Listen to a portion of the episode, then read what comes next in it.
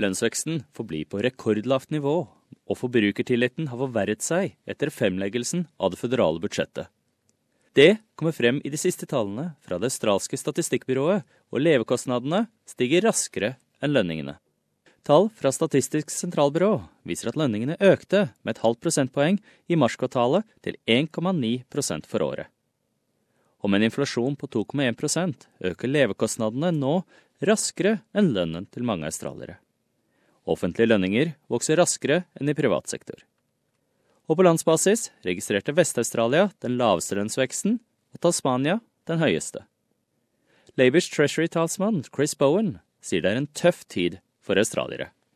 This is a time when wages growth is at record lows. In fact, today's data confirms that wages growth remains at record lows, and now that wages are growing more slowly than the increase in the cost of living.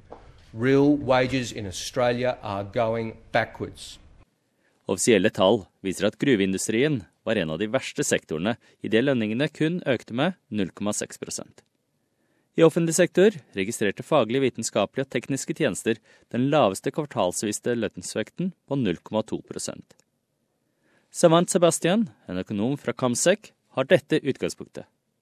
Well, I think anyone wanting a pay rise in this environment's uh, probably got to be a little bit more realistic. The environment we're in is conducive to slow and weak wage growth, and that's likely to be the outcome over the next 12 months at least. And it essentially means for businesses, well, they can pass on these uh, modest wage gains for the moment. Uh, and when profitability and activity improves, hopefully we'll get stronger wage growth down the track. Shane Oliver er sjefsøkonom hos AMP. Han fortalte ABC at langsiktig lønnsvekst sammen med husholdningers høye gjeldsnivå, kan bremse den økonomiske veksten. Consumer spending. It's a dampener for household income growth, um, and it's another reason why uh, you know it's hard to see the economy picking up just yet. And of course, all of this has implications for the Reserve Bank.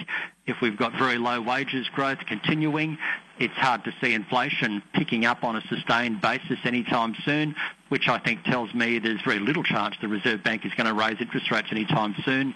There's more chance that the Reserve Bank will have to cut interest rates again. Savanth Sebastian er enig.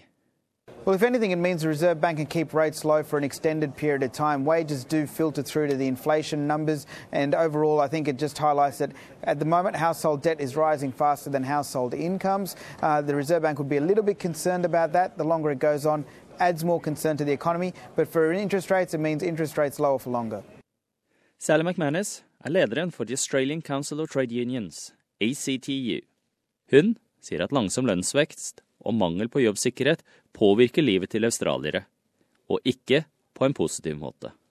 Uh, we see a whole generation that don't know what a secure job is like, and that's not their choice. That's the only jobs available, and that, that's not right. And then we've got a whole lot of other people that are seeing their jobs converted into labour hire jobs or converted into ABN jobs or casualised. And that is affecting the stress levels of Australians. It's also affecting their wages and it's affecting their, our very way of life. If you can't plan day to day because you don't know what your hours will be and you don't know if you're going to have a job next week, that affects your family life, it affects our community life. McManus har oppfordret den føderale regjeringen til å gjøre mer. On the issue of wages growth, there's three key things the government can do now to do something about it. First of all, they can stop the penalty rates cuts that are due to come in on the 1st of July.